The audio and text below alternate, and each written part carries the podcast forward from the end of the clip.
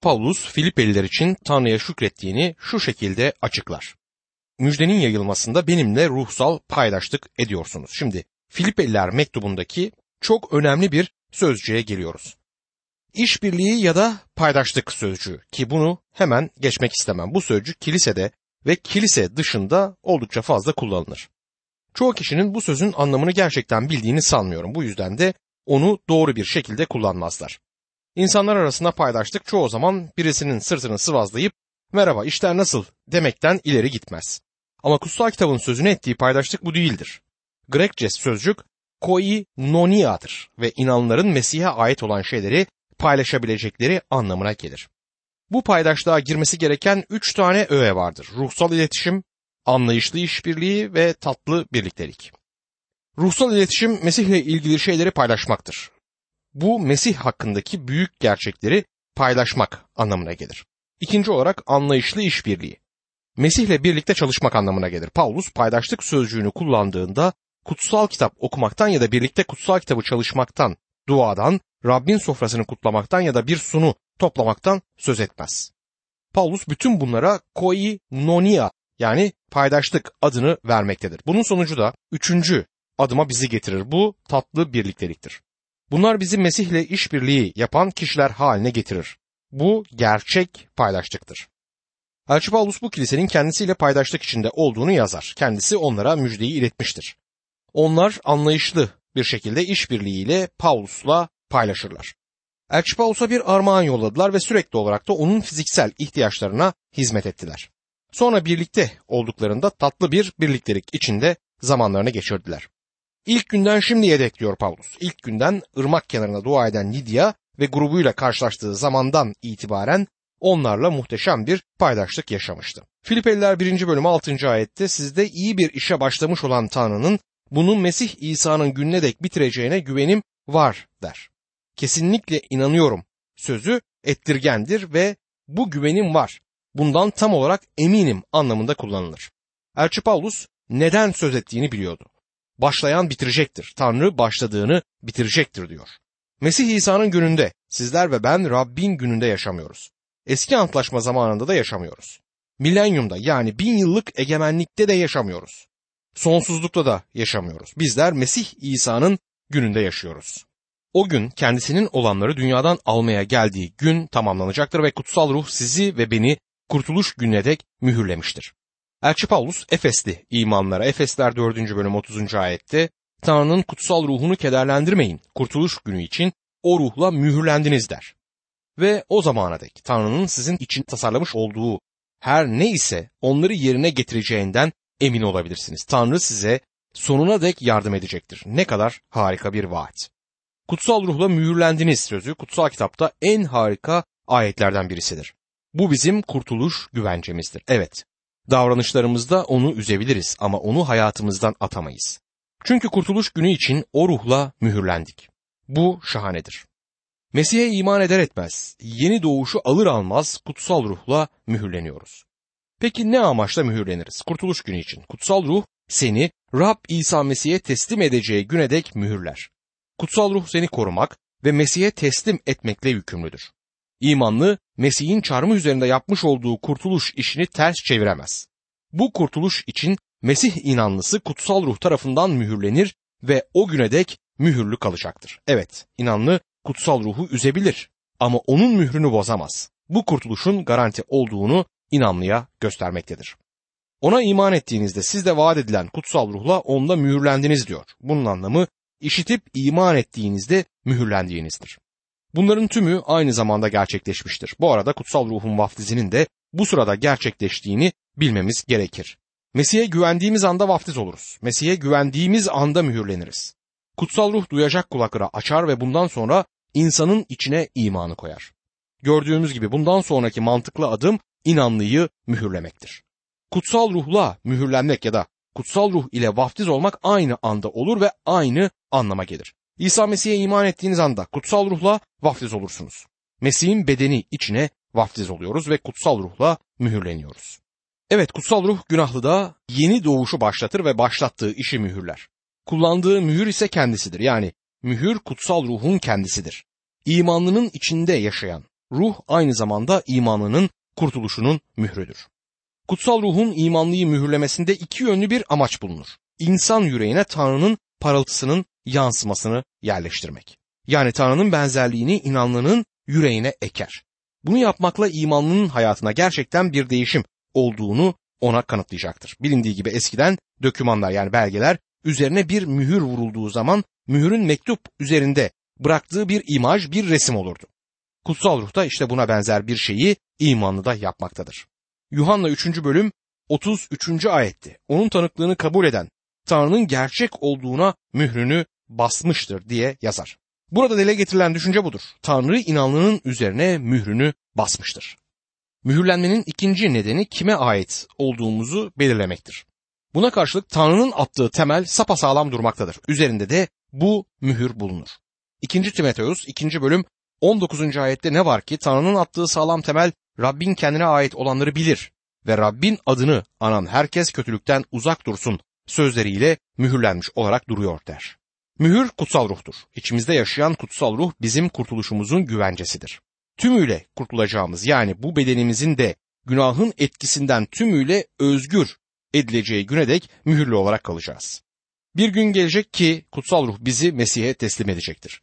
Bu şekilde mühürlenmek çok güzel. Böyle bir güvenceye sahip olmak muhteşem. Bir açıdan taahhütlü bir mektuba benziyoruz. Yani sigortalanmış bir mektup gibiyiz. Eski günlerde bu tür mektuplar mühürlenirdi. Günümüzde de bir mektubun bir yere ulaşacağından emin olmak istersek onu postanede taahhütlü olarak yollarız. PTT taahhütlü mektubu varacağı yere götüreceğine dair güvence ve garanti verir. Bunun için de postaneden bir belge alırız. Efesler 1. bölüm 14. ayette ruh Tanrı'nın yüceliğinin övülmesi için Tanrı'ya ait olanların kurtuluşuna dek mirasımızın güvencesidir der Elçi Paulus. Burada kullanılan güvence sözcüğü orijinal metinde kaporo ya da peşinat anlamına gelir. Yani bir malı almak istediğimiz zaman başkasına satılmasın diye peşinat veririz. Mirasımızın güvencesi derken mirasımızın peşinatı anlamında bunu kullanırız. Bu söz bu anlamda kullanılır. Kutsal ruh bizim Mesih'te sahip olduğumuz şeyleri alacağımıza dair bir güvence olarak peşinat niteliğinde bize verilir. Herhangi bir şey için peşinat verdiniz mi bilmiyorum. Bunun ardından daha para vereceğinizi taahhüt etmiş olursunuz. Evet kutsal ruh bizim güvencemizdir, kaparomuzdur. Bir ruhsal bereketten daha çoğunun geleceğine dair bir vaat olarak bize verilmiştir. Bir mirasımız olduğunu daha önce gördük. Devamı gelecektir. Kutsal ruh o garantidir. Elçi Paulus Filipelilere, Filipeliler 1. bölüm 6. ayette sizde iyi bir işe başlamış olan Tanrı'nın bunu Mesih İsa'nın gününe dek bitireceğine güvenim var der. Buna güvenim tamdır diyor. Tanrı bizlerde iyi bir iş başlattı ve sonucunu getirecek olan yine Tanrı'nın kendisidir. Peki bu senin için de geçerli mi? Senin içinde bulunduğun durumun ne olduğunu bilmiyorum ama eğer bir Tanrı çocuğuysan Tanrı'nın seni bu ana kadar getirdiğine tanıklık edebilirsin değil mi? Dönüp kendi yaşamına baktığında sana nasıl yol gösterdiğini ve ihtiyaçlarını sağladığını göreceksin. Öyleyse neden yarın için kaygı duyuyorsun? Şimdi seni hayal kırıklığına uğratacağını mı düşünüyorsun acaba Tanrı'nın? Çoğu zaman birçok inanlı bu yaşamın tadını çıkartmaz. Doğru dürüst sevinemezler bile çünkü sevinçleri yoktur. Çünkü Tanrı'nın kendilerine yardım edeceğini düşünmezler. Kurtuluşlarını yitireceklerinden korkarlar. Biz Mesih inanları ne yazık ki çoğu kez imansızlar gibi davranıyoruz. Hatta resmen ateist olan kişiler gibi yaşayıp davranıyoruz. Oysa bilmeliyiz ki Tanrımız bizimledir ve bizde yararlı bir iş başlattı ve bunu Tanrı sonuca götürecektir. Bizim hayatımız, geleceğimiz tamamen Rabbin elindedir. Yani bizim hayatımız, geleceğimiz güvenliktedir. Kurtuluşumuz garantidir, mühürlenmiştir. Rabbin bizi alacağı güne dek kutsal ruhla mühürlendik. Paulus bundan kesinlikle eminim der.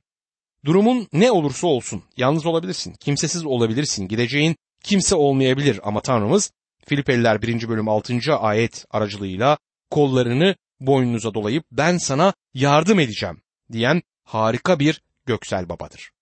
Bugün de Rab verdiği vaadinde sadıktır. Durumunuz ne olursa olsun, göksel babamızın sizde iyi bir işe başlamış olan Tanrı'nın bunu Mesih İsa'nın gününe dek bitireceğine güvenim vardır sözü bize büyük bir teselli kaynağı olmalıdır. O ayrıca iyi bir doktordur. Hatta o büyük doktordur ve senin için tasarlamış olduğum her şeyi İsa Mesih'in gününe dek gerçekleştireceğim der. Bu yüzden ben onun ellerindeyim sen de dostum onun ellerindesin. Bu kutsal kitabın harika ayetlerinden birisidir. Dışarıdaki fırtınanın benim küçük gemime saldırdığı birçok karanlık gecede bu ayete sarılmışımdır. Böylesi bir göksel babaya sahip olmak harikadır. Filipeliler 1. bölüm 7. ayette hepiniz için böyle düşünmekte haklıyım. Her an yüreğimdesiniz. İster zincire vurulmuş, ister müjdeyi savunup doğrulamakta olayım. Hepiniz benimle birlikte Tanrı'nın lütfuna ortaksınız diyor Paulus. Sizler için böyle düşünmem doğru. Neden? Çünkü sizler yüreğimdesiniz diyor. Bu inanlı dostlarınızı taşımak için muhteşem bir yerdir. Tanrı'nın lütfunun paydaşları bizi yeni bir paydaşlık sözcüğüne götürür. Burada yine koinonia sözcüğünü görmekteyiz ama bu kez önünde onu yoğunlaştıran bir edat bulunur. Bu edat sukko inonos sözcüğüdür. Anlamı ise hepsinin birbirine sarılı olmasıdır. Güzel Abigail Davut peygamberle konuşurken bu sözcüğü 1. Samuel 25. bölüm 29. ayette kullandı ve şöyle dedi. Adam seni kovalamak ve canını aramak için kalktığı halde efendimin canı Tanrı'nın yanında yaşam demetine bağlı kalacaktır. Efendimin ruhu Tanrı'nın Rab'le yaşam yumağında bağlanacaktır dedi. Paulus Filipelilere müjdede ortaklar olarak birbirlerine bağlanmış olduklarını bu şekilde söyler. Elçi Paulus'un Filipe'deki bu kiliseye karşı yumuşak duyguları olduğunu söylediğimde söylemek istediğim buydu. Onlara bütün diğer kiliselere olduğundan daha yakındı. Tanrı sözünü insanlarımıza duyurmada sizlerle ortak olan inanların olması çok harikadır. Ruhsal iletişimin yanı sıra anlayışlı bir işbirliği de olmalıdır ve bu da her zaman tatlı bir paydaşlıkta sonuçlanır. Filipeliler 1. bölüm 8. ayette hepinizi Mesih İsa'nın sevgisiyle nasıl özlediğime Tanrı tanıktır diyor. Burada özlemek olarak geçen sözcüğün esas anlamı yumuşak duygulardır. Bu gerçekten de harika bir bildiridir. Paulus hepsini İsa Mesih'in yumuşak duygularıyla özlediğini söylemektedir. Gerçekten de bu sözcük buraya çok uyar. Özlemek sözcüğünün buradaki anlamı yumuşak duygu şeklindedir. Bir kutsal kitap çalışmasında öğretiyordum ve o sırada bir psikolog derslere katılıyordu. Bu yumuşak duygular anlamına gelen sözden bahsederken eski zaman insanları haklıydılar. Bu yürekten gelen bir şeydi dedi. Sonra başıma dokunup biliyor musunuz çok az şey gerçekte burada olup biter dedi. Bu sözleri söylediğinde beni gerçekten tanıdığını düşündüm. Bundan sonra beynin gerçekte muhteşem bir telefon santrali olduğunu açıklamaya başladı. Elden beyine sinir sistemi aracılığıyla nevron bağlantılarıyla bir mesaj gelir. Derhal motor nörona bir transfer yapılır ve mesaj farklı bir dizi nevron bağlantısıyla aşağı iner. Örneğin sıcak bir ocağa dokunduğunuzda derhal mesaj beyne gider ve beyinde parmağını oradan çek, yanacaksın mesajını yollar. Anında tepki gösterirsiniz. Bunu düşünmeden yaparsınız ama beyinle bir bağlantı kurulmuştur. Bu arada birçok insan bu şekilde araba kullanmaktadır. Hiç düşünmeden ki bu çok belli sonra bana karını ilk gördüğünde neler hissettin diye sordu. Bu nerede gerçekleşti? Beyinde mi? Psikolog karnıma işaret edip yaşadığın, hareket ettiğin ve varlığının bulunduğu yer burası. Yani senin yüreğin dedi. Paulus en yumuşak duygularını dile getiriyor. Sizi özlüyorum. Bunun nedeni onların kendisine bir şey vermiş olduğu değildir. Tepkisi akılsal değil duygusaldır. Bu harika bir dışa vurum. Filipeliler 1. bölüm 9. ayette duam şu ki sevginiz, bilgi ve her türlü sezgiyle durmadan artsın diyor. Bu sevgi sözcüğü hakkında saçma düşünceler olabilir. Şimdi size bir mektup aktaracağım. Lanetler dolu sapkın inançlar yayan bazı vaizler olduğunu söylediğinizde hayatımın en büyük şaşkınlığını yaşadım. İsa kutsal sözünde düşmanlarımızı sevmemiz ve bizden nefret edenlere iyilik yapmamız gerektiğini söylemiyor mu diye bu mektupta bana soruyorlar. Tabii ki İsa bunu söylemiştir ama bu sözleri kime söylediğine dikkat etmemiz gerekir. Rab İsa kendi zamanındaki dinsel yöneticiler hakkında çok sert ifadeler kullandı. Matta 23. bölüm 33. ayet buna iyi bir örnektir. Sizi yılanlar, engerekler soyu, cehennem cezasından nasıl kaçacaksınız dedi İsa Mesih. Şeytanın onların babaları ve yılanın da anneleri olduğunu söyledi. Kimsenin daha ağır bir dille konuştuğunu sanmıyorum. Paulus bu inanların sevgilerinin gerçek bilgi ve eksiksiz anlayışla giderek artması için dua etmiştir. Mesih'teki bütün inanları sevmemiz gerekiyor. Bazı inanları sevmek biraz zor. Hatta bazı arkadaşlarımızı bile sevmek zor olabilir. Sevilmesi zor olan kişileri sevmemiz gerekir ama bunu bilgi ve anlayışla yapmamız gerekir. Bu sevgimizin her tarafa akması anlamına gelmez. Anlayışla dolu olmalıyız. Size kendi yaşamımdan bir örnek vereyim. İlk kez bir kutsal kitap dersi vermeye gittiğim bir yerde çok geçmeden orada ona buna saldırıda bulunan, kötülemeye çalışan insanların olduğunu öğrendim. Bir pazar sabahı toplulukta görevli olan biri yanıma gelip burada İsa'ya iman etmek istediğini bildiren ve sizinle kurtuluşu hakkında konuşmak isteyen bir adam var dedi. Kendimi aslında işletilmiş gibi hissediyordum. Bu adam benimle konuşmak istiyordu. Başka kimseyle konuşmak istemiyordu. Bunun üzerine onunla konuşmak üzere yanına gittim. Bu sırada pek çok kişi oradan ayrılıyordu. Ona kurtuluş planını açıklamaya başladım. Hiç bu kadar ilgilenen birini de görmemiştim. Kutsal kitabımı elime alıp gösterdiğim ayetleri okuyordu. İşini yapmasını çok iyi biliyordu. Sonunda ona Mesih'i kabul etmeyi isteyip istemediğini sordum. Gözleri yaşlarla doldu ve gözyaşları akmaya başladı. Evet istediğini söyledi. Dizlerimizin üzerine çöktük ve dua etti. Ayağa kalktığımızda ona hayatının nasıl gittiğini sorma hatasında bulundum ve bana bunu size söylemeyi istemiyordum ama bavulum buradaki otellerin birinde. O otele borcum olduğu için bavulumu bana vermiyorlar dedi. Siz olsaydınız ne yapardınız? Adamı güya daha yeni Rabbe yöneltmiş bir imanlısınız. Bir de üstüne üstlük vaizsiniz. Kardeşinizi sevmeniz gerekiyor. Şimdi otele olan borcunu ona verdim ve kendimi bunu yaptığım için sevinçli hissettim. Karıma olayı anlattım ve bu kadar cömert davrandığımdan ötürü kendimi çok iyi hissettiğimi söyledim. 6 hafta kadar sonra gazeteyi okurken bu adamın resmini gördüm ve haberde tutuklandığını okudum. Geçtiğimiz 6 ay boyunca o yöredeki pek çok kişiyi dolandırmış. Ve dolandırdığı insanlar için de onlar dünyadaki en avanak insanlar diye de yorum yapmış. Ve ben de bunlardan birisiydim. O sıralarda bir vaiz dostumu aradım ve adam size de geldi mi diye sordum. Evet dedi. Peki güya otel borcunu verdiniz mi diye sordum. Hayır istediği buydu ama ben epeydir buralardayım. Burada bir süre yaşadıktan sonra sevemeyeceğiniz bazı insanlar olduğunu göreceksiniz dedi. Elçi Paulus sevginiz giderek çoğalsın ama anlayışla gelişsin diyor. Yıllarca arabayla ofisime giderken Rabbe bugün yeni insanlarla karşılaşacağım ve onları tanımıyorum. Bazılarına yardım edebilirim. Diğerleri arkamdan kötü konuşabilirler. Rab her ikisi arasında bir ayrım yapabilmemi sağla. Hangi insanlarla hangi konuları konuşmam gerektiğini bana göster diye dua ettim. Aslında bu ayet Mesih inanlısını saf ve kolay aldanır olmaktan kurtarır. Sevgisi, bilgi ve anlayışla artar. Filipeliler 1. bölüm 10 ve 11. ayetlerde öyle ki üstün değerleri ayırt edebilesiniz ve böylece Tanrı'nın yüceltilip övülmesi için İsa Mesih aracılığıyla gelen doğruluk meyvesiyle dolarak Mesih'in gününde saf ve kusursuz olasınız der. Burada da açıklanması gereken bir başka önemli ayet görüyoruz. Paulus en iyinin ne olduğunu anlayabilesiniz dediğinde farklı olan şeyleri sınamalısınız demek ister. Ben bunun Rabbin sizin hayatınız için olan isteğiyle ilgili olduğuna inanıyorum. Önümüzde gidebileceğimiz iki ya da daha fazla yol olduğunda karar vermemiz gereken zamanlar olacaktır. Hangi yolu seçmeliyiz? Doğrusunu isterseniz bunu bildiğimiz zamanlar vardır. Rab bunu bize söylemek için bir melek yollamaz. Bize sinyaller vermek için kırmızı ya da yeşil ışıklar da yakmayabilir. Bizden biraz adanmış ve dikkatle cesaret kullanmamızı bekleyecektir. Bu yüzden farklı olan şeyleri sınamamız gerekir. Bir adam bana işinden bahsediyordu. Önünde iki yol vardı ve vermesi gereken karar hakkında dua etmişti.